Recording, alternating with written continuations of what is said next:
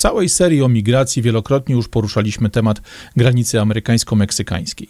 Było, nie było, jest to drugi po Europie teatr tej wielkiej, sterowanej fali migracyjnej, która od już ponad pięciu lat y, mocno, mocno niszczy nam zarówno kontynent amerykański, jak i europejski. Czas spojrzeć z bliska na to, co dzieje się w tej chwili w Teksasie i to, co w ciągu najbliższych kilku miesięcy może w ogóle dziać się w Stanach Zjednoczonych. Zapraszam.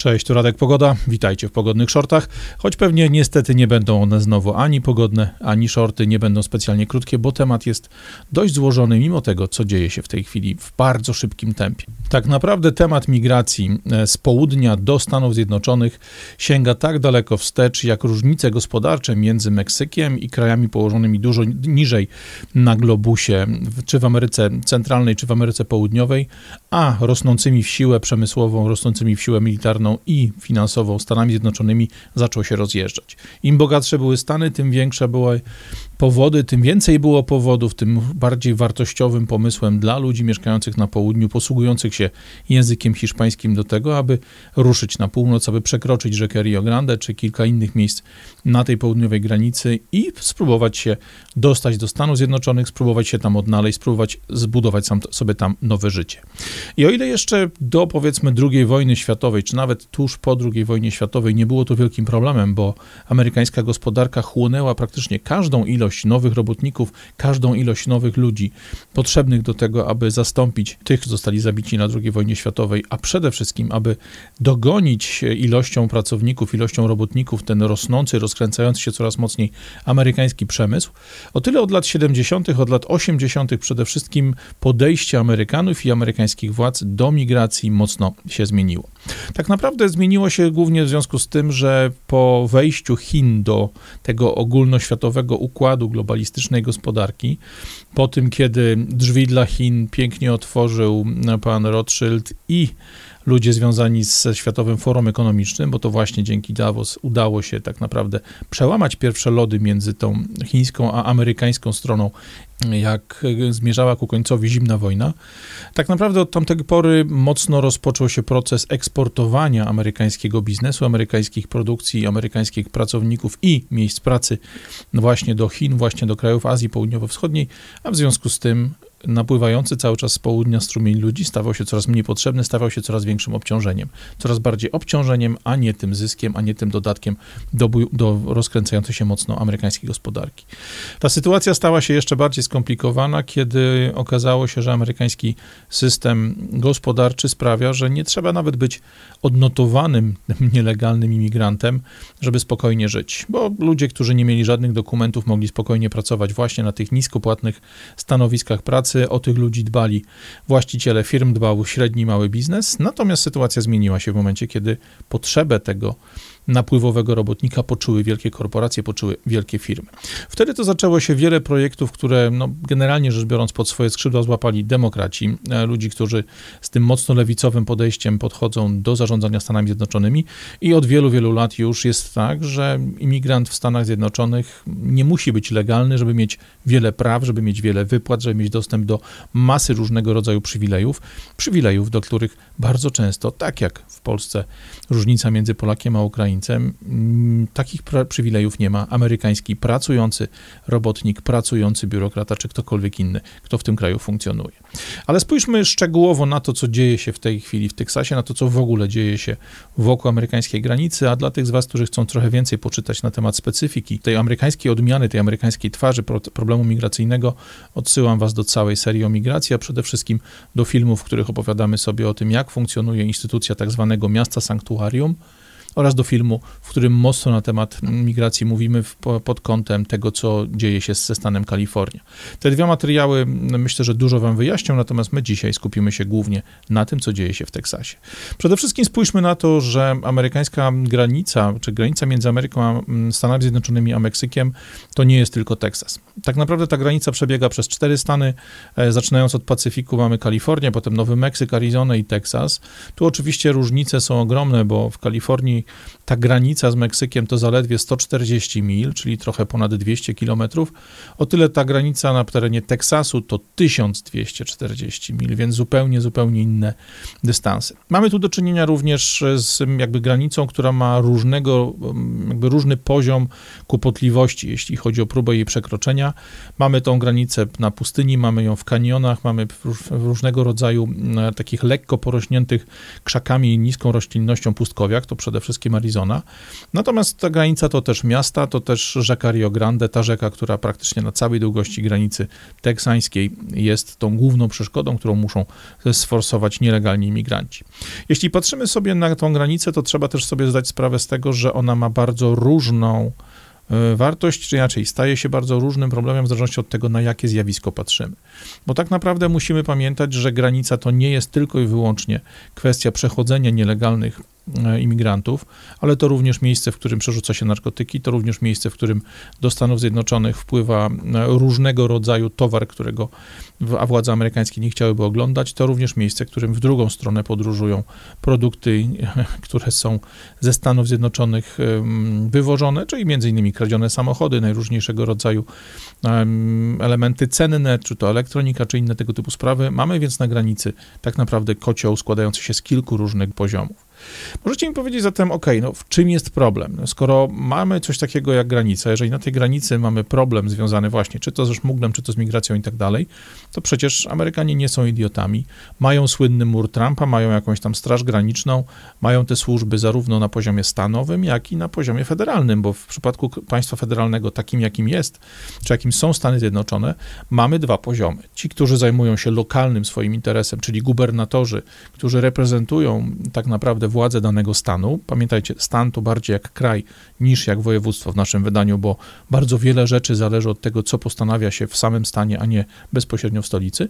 No, a oprócz nich mamy jeszcze oczywiście mm, Border Patrol, czyli służbę graniczną, tą straż graniczną, którą zarządza w tym momencie centrala w Waszyngtonie.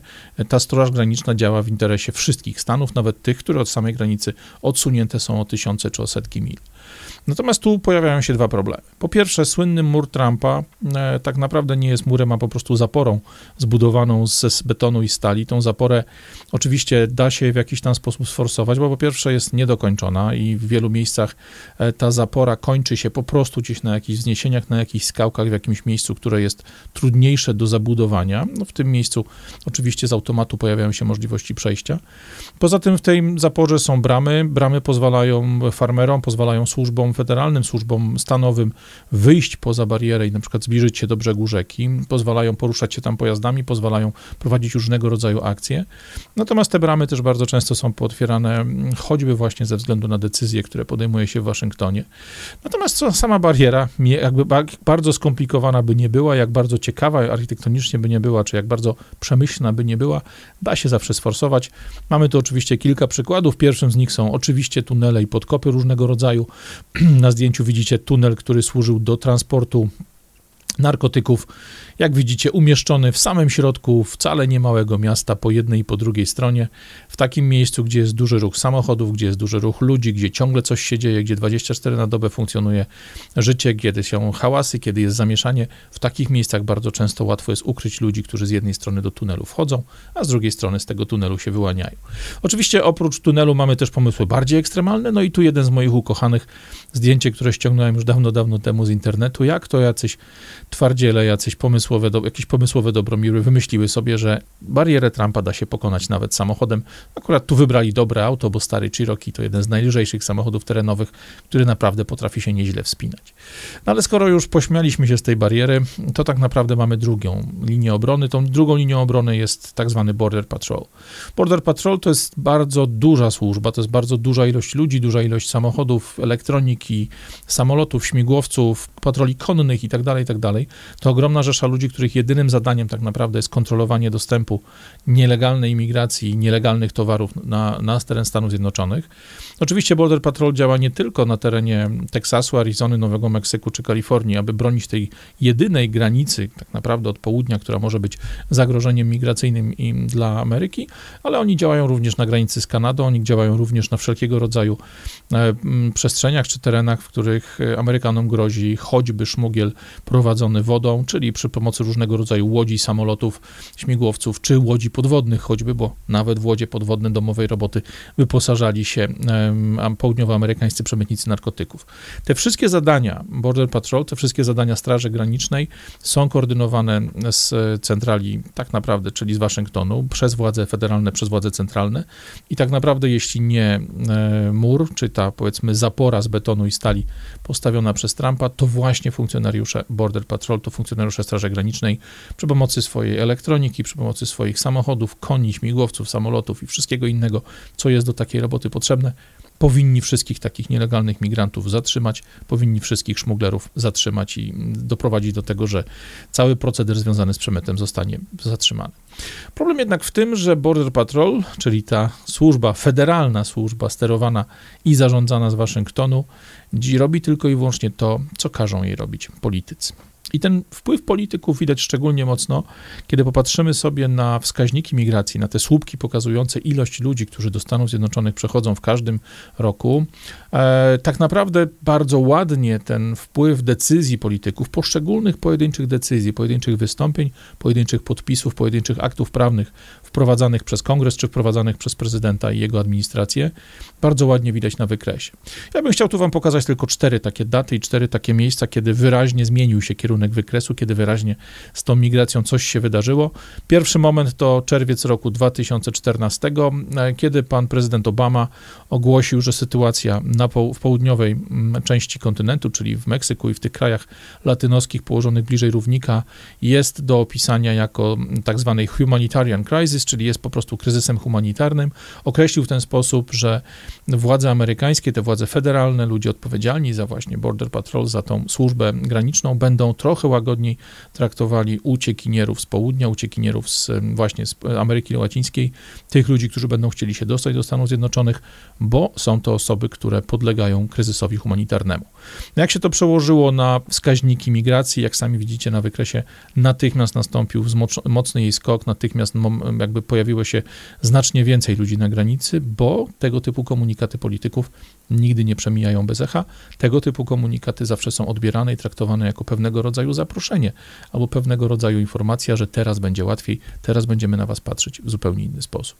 W drugą stronę pojawiła się sytuacja czy w drugą stronę odwróciła się sytuacja w roku 2019, kiedy po wprowadzeniu Migration Protection Policy, takiego dokumentu, który wszedł w życie w styczniu 2019 roku, dokumentu, który e, bardzo mocno pozwalał wykorzystać prawo amerykańskie do tego, aby zalegalizować imigranta, albo inaczej, aby sprawić, że taki imigrant nie będzie zdeportowany do Meksyku z powrotem, e, to decyzja Trumpa, która była powodowana różnymi względami, ale tutaj przełożyła się na migrację bardzo mocno. Popatrzcie na to, co się wydarzyło chwilę później, bo już w maju tego samego 2019 roku.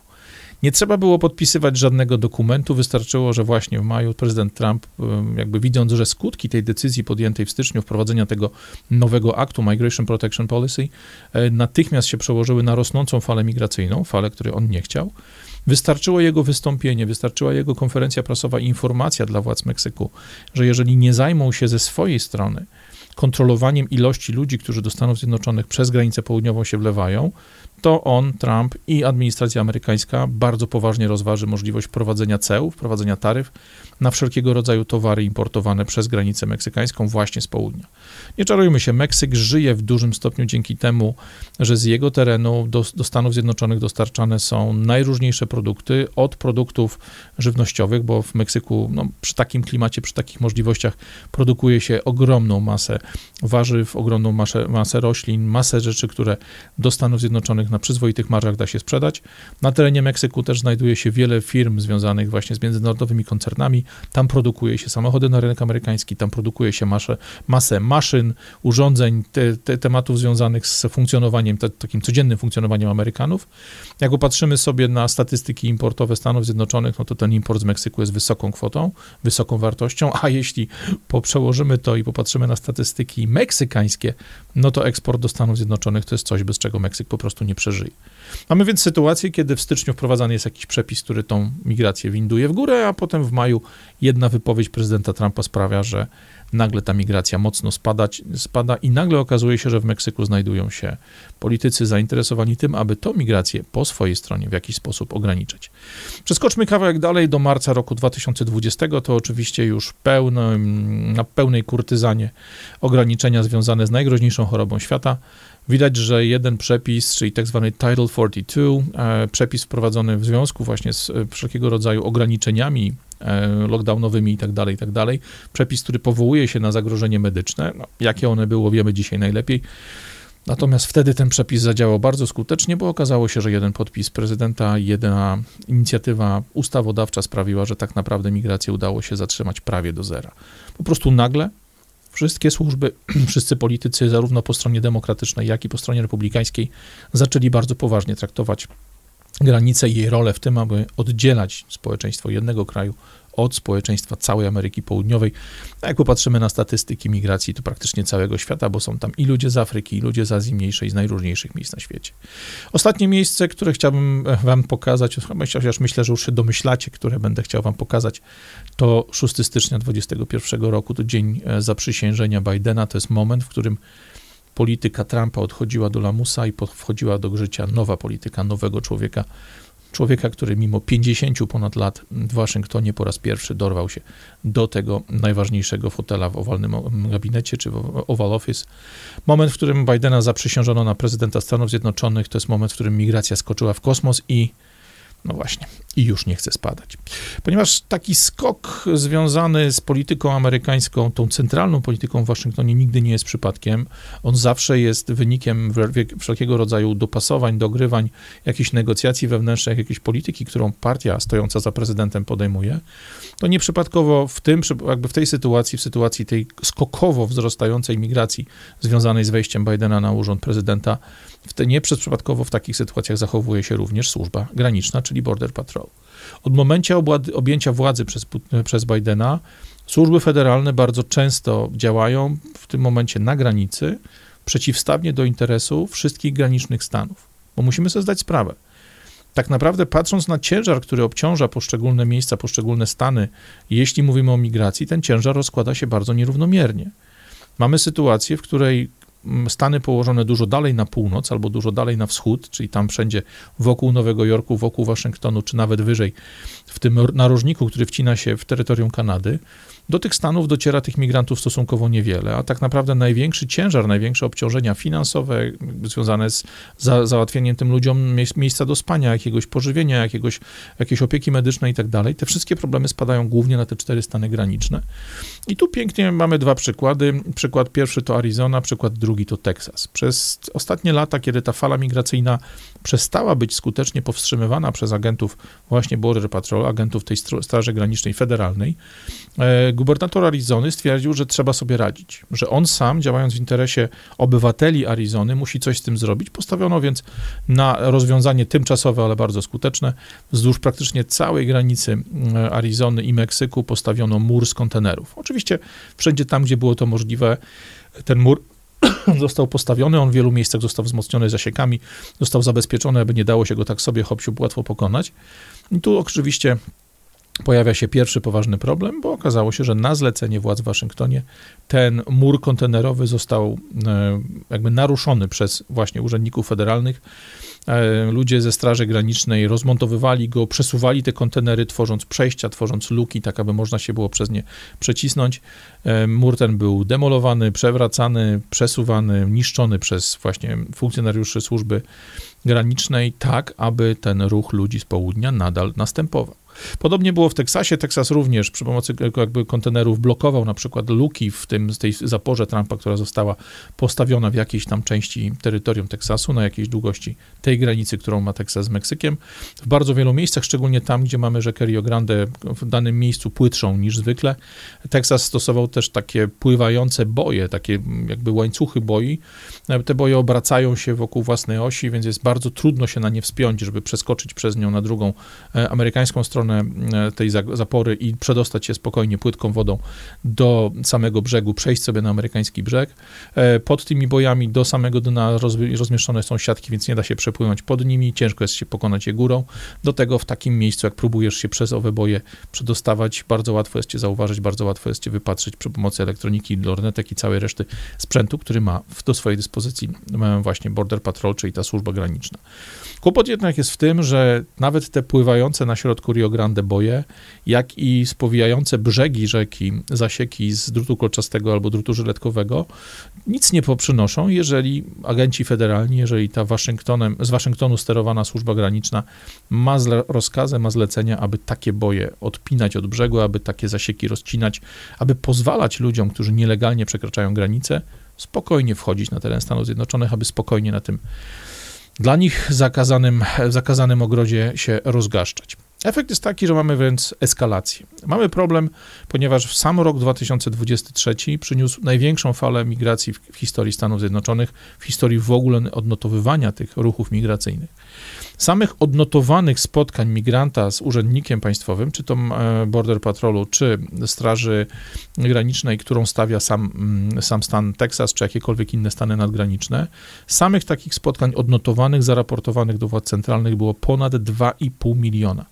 W jednym roku ponad 2,5 miliona ludzi zostało jakby skonfrontowanych z urzędnikami granicznymi segmentu tego federalnego i segmentu stanowego przy próbie przekraczania granicy. A tu mówimy tylko o odnotowanych, bo wiele osób przeszło po prostu przez tą granicę jak duchy, rozsiadło się gdzieś tam po zorganizowanych wcześniej autobusikach czy samochodach e, i zostało rozwiezionych po Stanach, po miejscach dużo wyżej w Stanach Zjednoczonych, dużo dalej oddalonych od granicy, tam gdzie nikt już nie spotka patrol Straży Granicznej, tam gdzie tylko co najwyżej zwykły policjant jest w stanie takich ludzi zidentyfikować, zobaczyć czy wypatrzyć w tłumie. Mamy więc sytuację taką, że największa w historii fala emigracji trafia nam na rok wyborczy. Na jesieni tego roku, roku 2024, mamy w Stanach wybory prezydenckie. Mamy więc sytuację, gdzie tą, gra tą migracją, gra tym problemem nieszczelnej granicy, granicy, przez którą przechodzą ludzie, narkotyki, wszelkiego rodzaju kontrabanda, gra tą granicą będzie czymś normalnym i, codziennym w sporze, które toczą ze sobą demokraci republikanie. Jeśli popatrzymy na demokratów, to oczywiście z ich strony, no demokraci to lewica, więc z ich strony pojawiają się hasła takie jak humanitaryzm, bo przecież tym ludziom trzeba pomóc, przecież komuś, kto idzie do nas setki czy tysiące kilometrów, tysiące mil gdzieś tam z południowej Ameryki, czy z Hondurasu, czy z Salwadoru, tych miejsc w Ameryce Środkowej, czy jest na przykład migrantem, który zapożyczył się u mafii jakimiś tam samolotami przez Gujanę francuską, przez e, najróżniejsze miejsca, takie jak Kostaryka, jak Chile i tak dalej, dostaje się do Ameryki Południowej, żeby tym szlakiem migracyjnym przejść przez Meksyk do Stanów Zjednoczonych, tym ludziom według demokratów należy się pomoc, należy się wsparcie, należy się mieszkanie, lekarz i wiele, wiele, wiele innych rzeczy wiele rzeczy, na których nie stać dzisiaj wielu Amerykanów pracujących na co dzień, płacących swoje podatki. Tu oczywiście dochodzi do tego temat miast sanktuariów, miast, które przyjmują dowolną ilość migrantów, no, licząc na to, że będąc Nowym Jorkiem czy Bostonem położonym daleko na północ, że ci migranci nie będą po pierwsze w stanie bez pieniędzy, a po drugie nie będą chętni, aby się takie miejsca zapuścić, no bo przecież są to ludzie z południa, są to ludzie z klimatu e, podzwrotnikowego czy równikowego, którym w, zim, w, nowym, w zimnym Nowym Jorku, Bostonie, Chicago czy paru innych miastach na północy będzie po prostu przez większą część roku zimno, więc oni z automatu będą chcieli zostać tam na południu, kiedy ta pogoda lokalna, teksańska, e, nowomeksyka, nowomeksykańska czy kalifornijska będzie dla nich najbardziej przyjemna. Demokraci powołują się też oczywiście na te wskaźniki, e, nazwijmy to takie powiedzmy quasi logiczne na pół logiczne, bo mówią na przykład o potrzebach demograficznych Ameryki, mówią o tym, że Amerykanie, ci Amerykanie, którzy funkcjonują z obywatelstwem, z prawem pobytu, z pracą, z podatkami, coraz rzadziej się rozmnażają. Nie, oczywiście demokraci, taki jak i nasza polska lewica, nie odnosi się do prawdziwego problemu, który sprawia, że ludzie no, nie bardzo chcą pozwolić sobie na dzieci, szczególnie ci ludzie odpowiedzialni, sensowni, bo po prostu koszty życia są kolosalne Dzisiaj demokraci posługują się hasłem typu demografia tak samo skutecznie jak hasłem typu właśnie humanitaryzm i tak dalej, pokazując, że gdyby nie ci migranci z południa, Stany Zjednoczone za chwilę zaczęłyby wymierać, stałyby się populacją, która jest coraz mniejsza. Na to wszystko republikanie, czyli ich jakby strona przeciwna, e, ma swoje hasła. Oczywiście tu przywoływane są bardzo często przede wszystkim ryzyka związane z przestępczością. E, migracja, czy jakby ta nieszczelna granica, to nie jest tylko problem właśnie nielegalnego przekraczania granicy ludzi, którzy potem chcą się u nas osiedlić, znaleźć jakąś pracę, zacząć tutaj zarabiać, zacząć tutaj mieszkać, zacząć funkcjonować w naszym kraju. To jest przede wszystkim problem związany z przestępczością narkotykową, to jest e, szmugiel fentanylu, to jest przemyt innych narkotyków, to jest kwestia związana z tym, że ludzie którzy decydują się na taki skok przez całą Amerykę, żeby dotrzeć do tych Stanów Zjednoczonych, do tej ziemi obiecanej, bardzo często wchodzą w no, niebezpieczne związki z um, światem przestępczym. Tutaj mamy do czynienia z pracą przymusową, to rzecz bardzo popularna, czy tam popularna, powszechna, szczególnie wśród Azjatów, którzy bardzo często, jakby decydując się na, na przerzut do Stanów Zjednoczonych, podpisują zarazem na siebie wyrok długoletniej pracy niewolniczej. Ci ludzie będą pracowali w jakichś tam sweatshopach, w jakichś miejscach, w których inni Chińczycy czy inni ludzie z ich kultury będą wykorzystywali ich pracę, po prostu płacąc minimalne stawki albo wręcz traktując ich jako niewolników, dopóki nie skończy się ten etap odpracowywania ceny tego przerzutu. Mamy też do czynienia oczywiście z problemem handlu ludźmi, mamy do czynienia z problemem tego, że w drugą stronę granicy jakby zasuwają skradzione w Ameryce samochody, skradzione w Ameryce elektronika, wiele, wiele innych tego typu rzeczy. Republikanie posługują się więc tą przestępczością no, w interesie innych obywateli, bo wiedzą, że wśród tego problemu będą musieli żyć, będą musieli funkcjonować. Republikanie przywołują też jeden bardzo ważny argument, że każdy nowy nielegalny imigrant, który przekracza granicę, staje się z automatu bardzo tanim pracownikiem. Bo jeśli nie masz dokumentów, jeśli nie masz prawa podjęcia legalnej pracy, która daje ci ochronę ubezpieczeniową, ochronę związkową i tak dalej, prawda jest taka, że natychmiast twoja wartość na rynku pracy mocno spada.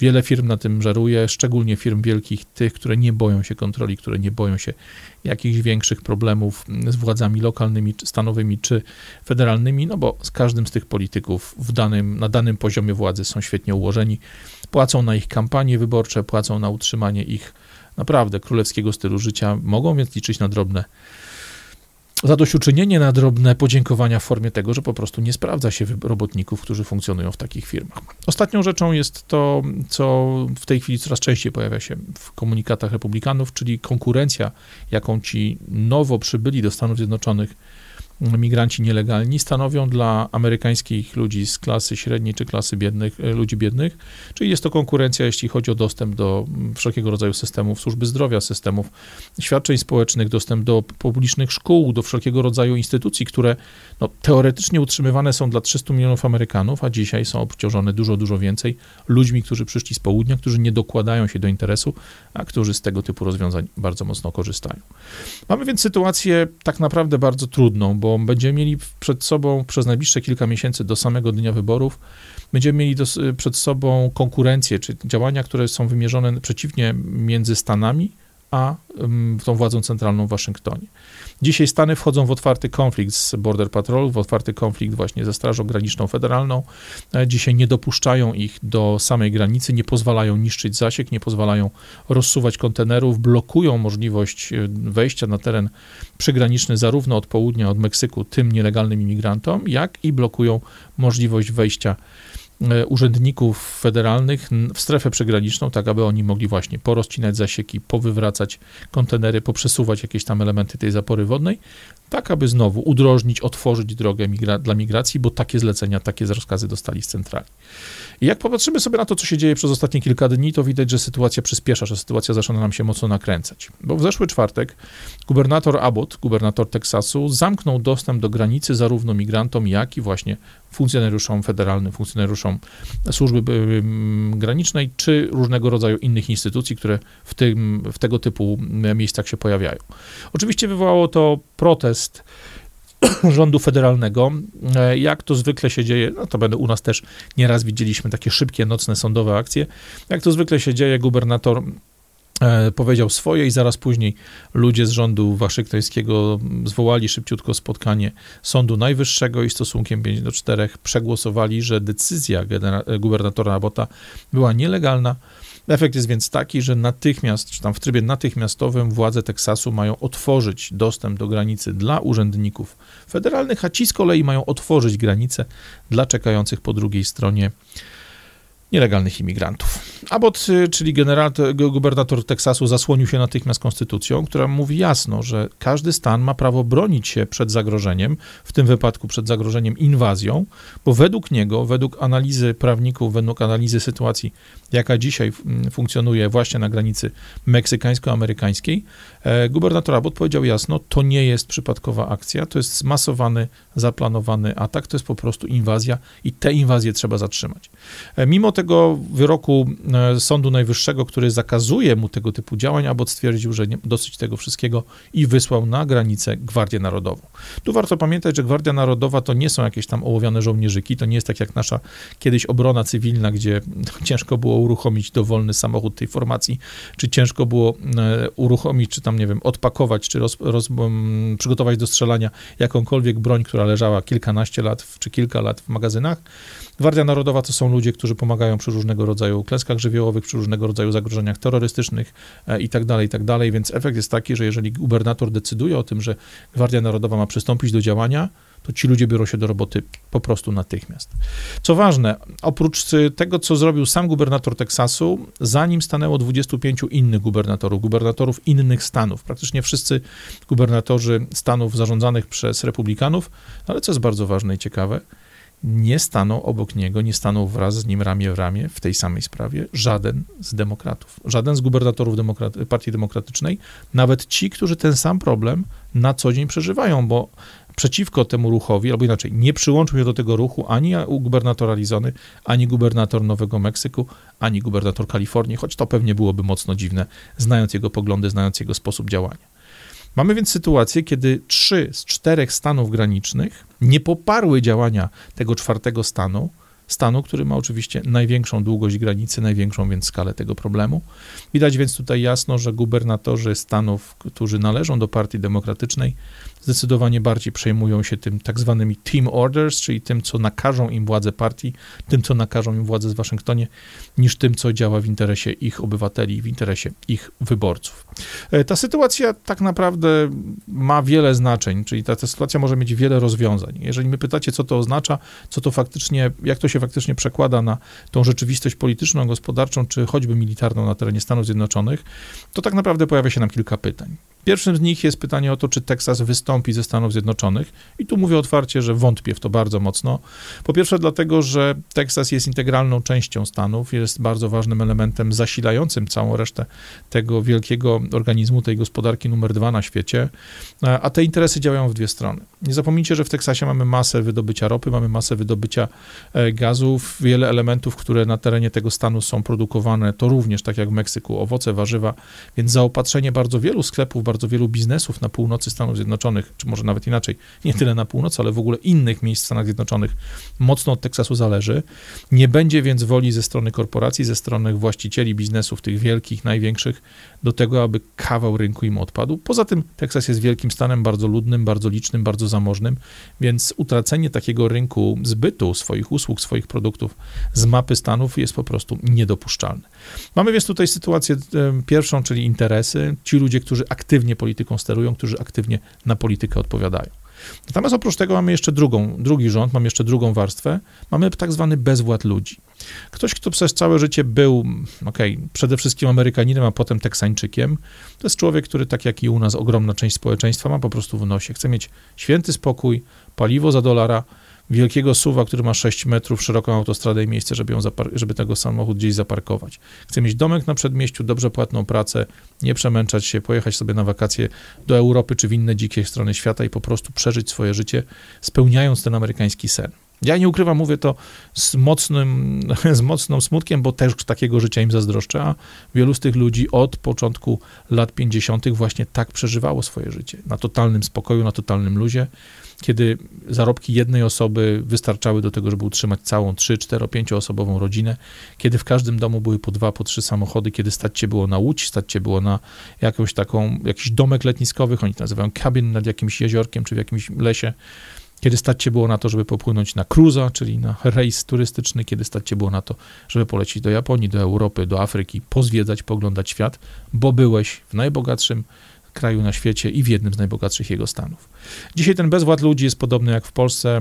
E, gdy dzisiaj pytamy Polaków, czy zgadzają się na jedną, drugą, trzecią politykę europejską, na przykład politykę związaną z podnoszeniem kosztów naszych, e, naszej energii, z podnoszeniem kosztów naszego życia, czy zgadzają się na zakaz samochodów spalinowych, czy wiele, wiele innych rzeczy, które sprawiają, że nasze życie staje się trudniejsze, to Polacy mówią absolutnie nie, nie zgadzamy się na te polityki, one są wariackie, one są nienormalne, nie wolno się na to zgodzić.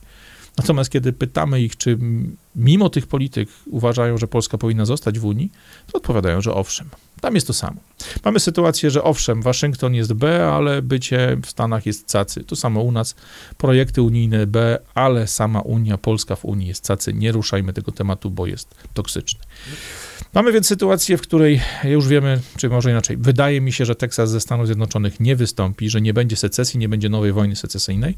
Natomiast wojna jako taka, niezamierzona nawet, czy raczej wojna, której celem niekoniecznie jest wydzielenie się Teksasu na zewnątrz, też jest tematem, o którym coraz częściej się ostatnio mówi.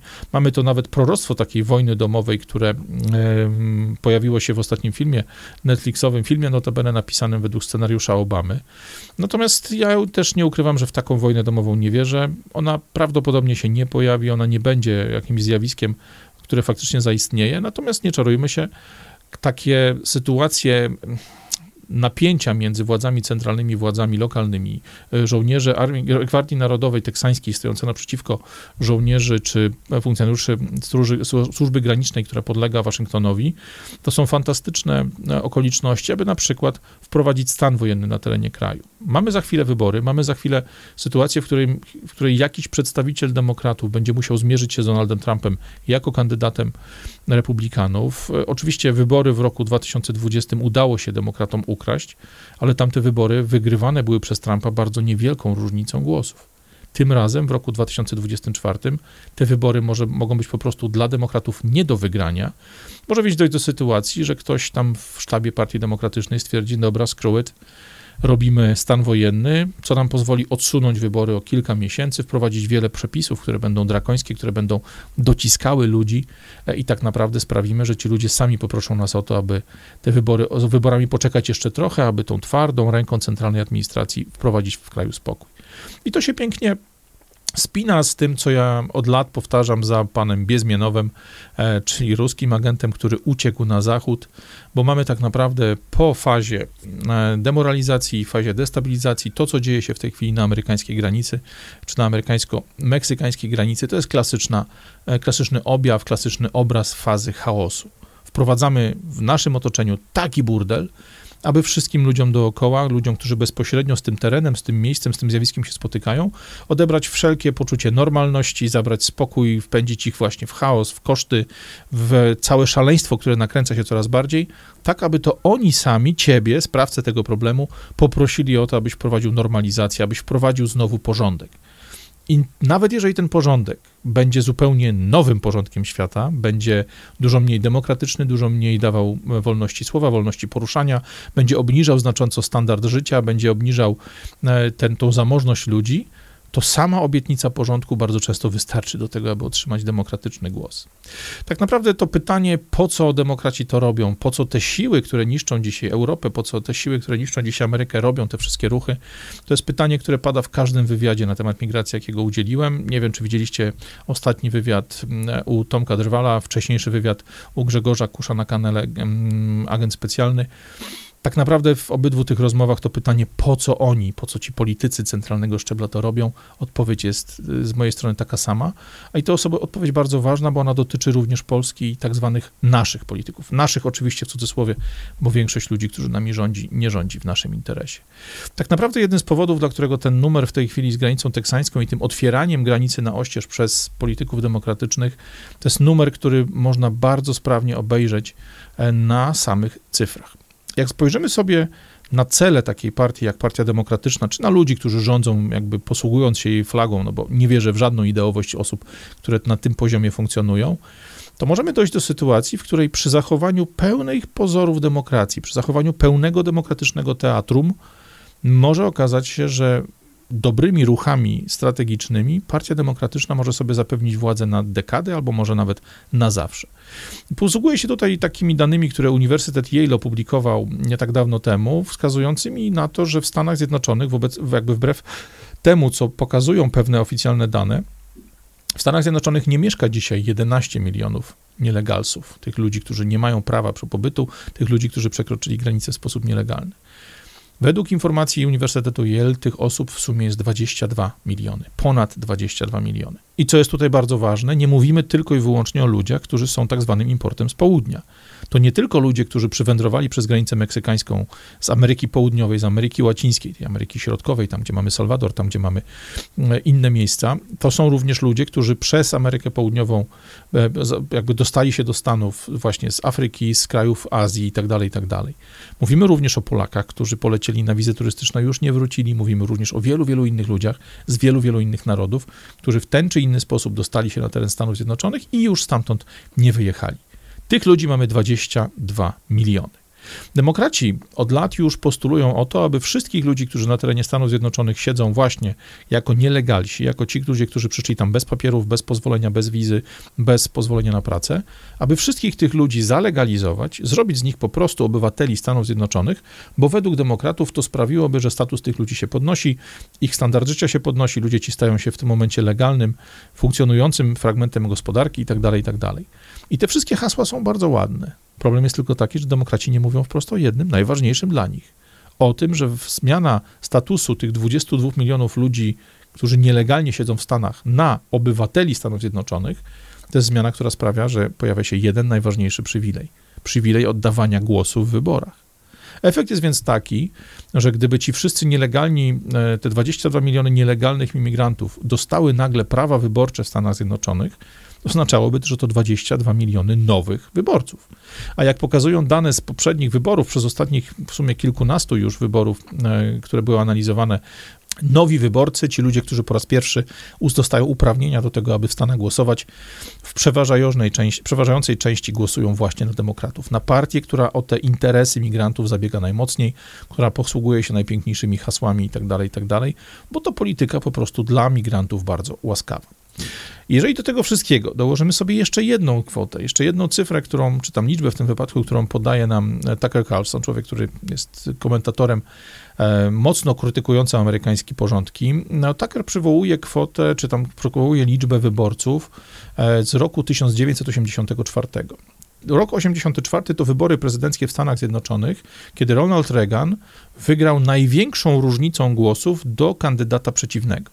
Jeżeli sobie dodamy, że tym kandydatem, e, przeciwnikiem e, Reagana był pan o nazwisku Mondale, e, to pewnie nawet ja i wielu, wielu z was nie ma pojęcia, co to za człowiek, nie ma możliwości skojarzenia go ze swojej, ze swojej pamięci, no bo Bushów, nie Bushów i innych takich znamy i zobaczyliśmy, że oni faktycznie nawet wcześniej funkcjonowali przecież w amerykańskim rządzie bardzo wysoko, a tutaj człowiek, którego powodzenie, którego rozpoznawalność dla nas jest żadna, przegrał z prezydentem Reaganem o, no właśnie, o 17 milionów głosów. Zobaczcie więc, mamy więc największe historyczne zwycięstwo w wyborach prezydenckich, które zostało jakby wygrane o 17 milionów głosów, a po drugiej stronie mamy 22 miliony potencjalnych nowych wyborców, nowych wyborców, których podejście, poglądy, sytuacja społeczna, sytuacja ekonomiczna tak naprawdę pcha w łapy demokratów, sprawia, że na tych demokratów będą głosowali przez wiele, wiele lat, dopóki sytuacja w kraju się nie zmieni. Mamy więc sytuację, kiedy tak naprawdę na szali, w zasięgu ręki demokratów, spoczywa ich zwycięstwo wyborcze. Zwycięstwo bez przekrętów, zwycięstwo bez potrzeby dosypywania głosów, bez potrzeby oszukiwania na ostatnich metrach. Zwycięstwo, które pozwala pokazać w każdej chwili, że proszę bardzo, na mocy demokratycznego głosowania na naszą partię zostało złożone o 22 miliony głosów więcej. Spadajcie więc republikanie, teraz to my przejmujemy władzę w kraju, teraz to my tę władzę będziemy trzymali do końca świata jeden dzień dłużej.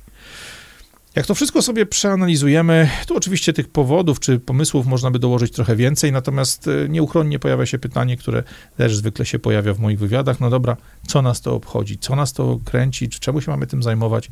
Przecież ważniejszy jest los pana Wąsika, pana Kamińskiego, e, to ile Jurek zebrał do, do puszek, e, a dla tych z drugiej strony, tych trochę bardziej rozsądnych, ważniejsze jest, czy będą rozliczenia za 200 tysięcy czy 250 tysięcy nadmiarowych zgonów, albo czy uda się w końcu IRASA zmusić, aby do, złożył do sądu dokumenty finansowe spółek, które z tych puszek wyciągają pieniądze. Przecież tym się powinniśmy zajmować. Powinniśmy zajmować się naszymi cenami prądu, gazu, cenami energii, tymi, że czynsze nam się podnoszą, że chcą nam zabrać samochody, że Unia Europejska skretyniała do końca i zamierza popełnić zielone samobójstwo. Po co zajmować się Stanami? Po co zajmować się tym, co dzieje się gdzieś tam za oceanem? Tymczasem tak naprawdę to, co dzieje się w Stanach Zjednoczonych, powinno nas bardzo obchodzić. Okej, okay, nie powinno być może tematem numer jeden, ale powinno być czymś, na co zwracamy uwagę. Bo prawda jest taka, dzisiaj od wyborów prezydenckich, od rezultatu wyborów prezydenckich w Stanach Zjednoczonych na jesieni tego roku, bardzo mocno zależy to, co będzie działo się w Polsce i z Polską. Po pierwsze, burdel związany z tym, co dzieje się w tej chwili w Stanach Zjednoczonych, to zamieszanie między władzą centralną i władzą stanową, te zamieszki, te parcie, to ciśnienie, które tam funkcjonuje, oznacza, że uwaga całego świata i całej administracji amerykańskiej bardzo mocno skupia się na sprawach lokalnych, a to z automatu daje więcej luzu dla Berlina, żeby w Polsce robić cyrk. Po drugie, rosnące ryzyko dla Polski pojawia się w takiej sytuacji, no bo prawda jest taka, że Ameryka pogrążona w konflikcie wewnętrznym, nieważne czy będzie to e, konflikt zbrojny, jakieś tam powstanie, czy, czy naparzanka lokalna, czy po prostu konflikt na poziomie e, politycznym, na poziomie właśnie tych szarpiących się między sobą polityków, polityków. Każda taka sytuacja, każde takie osłabienie pozycji amerykańskiej, to, że Ameryka zajmuje się problemami własnymi, a nie problemami świata, to jest rosnące właśnie ryzyko dla Polski. Sprawia, że ta słaba Ameryka jest pokusą dla wielu pretendentów po to, żeby sięgnąć po rzeczy, które z mocnym amerykańskim żandarmem na, na czele prawdopodobnie były poza wszelkiego rodzaju dyskusją. A po drugie, ważne jest to, żebyśmy patrzyli na to, jak takie ruchy się dzieją, bo tak, napra- tak naprawdę te same dokładnie działania dzisiaj mamy w Europie i te działania w Europie nas bezpośrednio dotkną. Tak jak dzisiaj władze Teksasu naparzają się z władzami federalnymi, jeśli chodzi o, o migrację przez granicę meksykańsko-amerykańską, tak samo władze Włoch, tak samo władze Hiszpanii czy Francji próbują poradzić sobie z problemem sterowanym z Berlina, sterowanym z Brukseli, problemem tych otwartych drzwi do Europy. Lampedusą, plażami w Hiszpanii, plażami w Anglii, plażami w wielu innych miejscach. Te same problemy mimo tego, że siedzimy na dwóch różnych kontynentach, mimo że siedzimy kilka tysięcy kilometrów od siebie. Tak naprawdę myślę, że abstrahując też od tego, taki sam dokładnie problem, czy taki sam dokładnie pomysł na to, aby wykorzystać migrantów jako tą wiecznie głosującą na lewicę grupę e, obywateli, ten sam dokładnie pomysł mają elity UE. Tak naprawdę to jest ten sam dokładnie poziom w stosunku do migrantów z południa, bo tak naprawdę opłaca się ta migracja władzom poszczególnych krajów Europy Zachodniej, w tym również niestety władzom Polski, e, na bardzo wielu poziomach, ale co ważne, ona opłaca się tylko korporacjom. Bo popatrzmy sobie sami. Nowy migrant, tak Idąc krok po kroku, po pierwsze, nowy migrant to jest fantastyczny biznes na usługi dla korporacji, bo tak naprawdę jest to człowiek, który dostaje jakiś zasiłek, dostaje jakiś żywik opierunek, nie musi wydawać pieniędzy na podatki, nie musi wydawać pieniędzy na własne mieszkanie, na jedzenie, na wiele innych rzeczy, bo to wszystko zapewnia mu państwo. Co więcej, państwo bardzo często dorzuca mu jeszcze do tego jakieś kieszonkowe, więc z automatu to kieszonkowe, te pieniądze zaoszczędzone na jedzeniu, spaniu i wielu innych rzeczach, ten człowiek może wydać na usługi, nie czarujmy się, usługi najczęściej dostarczane przez wielkie korpo. Ten człowiek ma telefon, ma internet, kupuje tanie żarcie, kupuje, robi jakieś zakupy w wielkich sieciowych sklepach, no bo tam najłatwiej jest dokonywać zakupów, jak się nie zna języka jak się człowiek mocno wyróżnia z reszty społeczeństwa. Mamy więc sytuację, w której korporacje zyskują na to, że migranci są. Po drugie, dzieci takiego imigranta, tu wracamy do materiałów pokazujących, jak już jesteśmy programowani co do tego, jak ma wyglądać przyszła rodzina w Europie, przyszła rodzina w Stanach. Ciemnoskóry facet, biała kobieta, zmiksowane dzieci. Pamiętajmy o tym, że dzieci takiego, imigranta nielegalnego będą już pozbawione wszelkiego rodzaju praw, które takim imigracji e, przysługują. Mamy więc sytuację, że za kilkanaście lat, za tych lat 15-20, w miejsce dzisiaj bezrobotnego imigranta, który siedzi gdzieś na zasiłku, pojawi się dziecko, jedno, drugie, trzecie, piąte. Ci ludzie bardzo często robią duże rodziny, więc pewnie tych dzieci będzie do cholery i trochę. Korporacje skorzystają więc po raz drugi, bo będą miały nagle bardzo wielu tanich pracowników, którzy będą spokojnie mogli przynieść im zyski. No i po trzecie, mamy prosty rachunek ekonomiczny. Nie czarujmy się, za pobyt takiego migranta w naszym kraju, czy we Francji, czy w Niemczech, czy gdziekolwiek indziej, płaci państwo ale zyski z zakupu usług czy produktów, które taki migrant dla siebie potrzebuje, trafiają do kasy korporacji. To samo jeśli chodzi o zyski z jego przyszłej pracy czy z przyszłej pracy jego dzieci. To wszystko dzieli się dość nierówno, bo koszty lądują w kasie państwa czy w kasie samorządu, a przychody i zyski lądują w klasie korporacyjnej. Dlatego uważam, że musimy patrzeć na to, co się dzieje dookoła, bo nawet takie odległe zdarzenia, jak te, które dzieją się dzisiaj w Stanach, jak te, które dzieją się dzisiaj na plażach Grecji, Hiszpanii, Francji, Włoch, to są rzeczy, które wpływają na sytuację nas tutaj w Polsce. Po pierwsze, one wpływają na nasz rząd. No tu przede wszystkim wynik amerykańskich wyborów i podejście amerykańskiego nowego prezydenta do tego, na ile chce pozwolić Niemcom w Europie. Po drugie, te zmiany wpływają na nasze otoczenie rynkowe, na nasze otoczenie geopolityczne, na koszty bardzo wielu rzeczy, na to, czy da się sprowadzić statek z Chin z towarem, czy też nie, czy da się produkować w Europie, czy też nie, czy będzie gaz z ruskiej rury, czy też nie. To są wszystko rzeczy, które wpływają na nas tutaj w sposób bezpośredni, bo dotyczą naszego kraju, naszego regionu, naszego poziomu życia. A one tak naprawdę są w miarę łatwe do zaobserwowania, są w miarę łatwe do, do obejrzenia. Nie odpuszczajmy więc tego, aby patrzeć na to, co dzieje się w Teksasie, nie odpuszczajmy, aby patrzeć na to, co dzieje się na plażach południowej Europy czy na plażach brytyjskich. Patrzmy, co tam się rozgrywa, bo sygnały płynące ze Stanów, sygnały, płynące z Teksasu, sygnały płynące właśnie z południowej Europy mogą być tym ostrzeżeniem, tym wcześniejszym ostrzeżeniem o tym, co za chwilę uderzy nas w potylicę z siłą kafara, z siłą młota do wyburzeń. Bardzo Wam dziękuję za tę cierpliwość do tego dłuższego materiału. Pewnie nie powiedziałem wszystkiego o tym, co w Seksasie się dzieje, jakie mogą być scenariusze, bo pewnie ich jest tutaj dużo, dużo więcej. Natomiast mam nadzieję, że chociaż trochę spojrzeliście na to z zewnątrz, spojrzeliście na to tak w sposób analityczny i że choć trochę się to moje gadanie przyda. Bardzo Was jak zawsze proszę o subskrypcję, o lajki, o to, jeżeli chcecie napisać jakiś komentarz, to piszcie jak najdłuższy, ja chętnie na niego odpowiem, a jeśli nie macie pomysłu na komentarz, to po prostu wrzućcie emotikony, które bardzo lubi automat y, YouTube'a, który bardzo docenia sobie ten algorytm YouTube'owski. E, jeśli chcecie zostać ze mną w kontakcie, to wyszukajcie mnie na innych mediach społecznościowych, czy to będzie LinkedIn, czy to będzie Instagram, czy to będzie choćby TikTok, na którym zacząłem coś ostatnio publikować, choć mnie od niego odrzuca, a przede wszystkim spójrzcie na listę pogodnych shortów, zapiszcie tam swój adres mailowy, także nawet gdybym został usunięty z tego kanału, gdyby ten kanał został z YouTube'a zdjęty, to żebyśmy mogli zostać w kontakcie, żebym mógł wam podsyłać materiały z informacją, czy znajdziecie je na BitShucie, na Ramblu, na Odyssey, czy na polskim Banbaju. Dziękuję Wam bardzo za uwagę. Zapraszam do tego, aby obserwować Stany, aby obserwować to, co się dzieje dookoła, bo to może mieć na nas wpływ. Życzę Wam spokojnego dnia. Do następnego razu. Radek Pogoda, pogodne shorty. Cześć.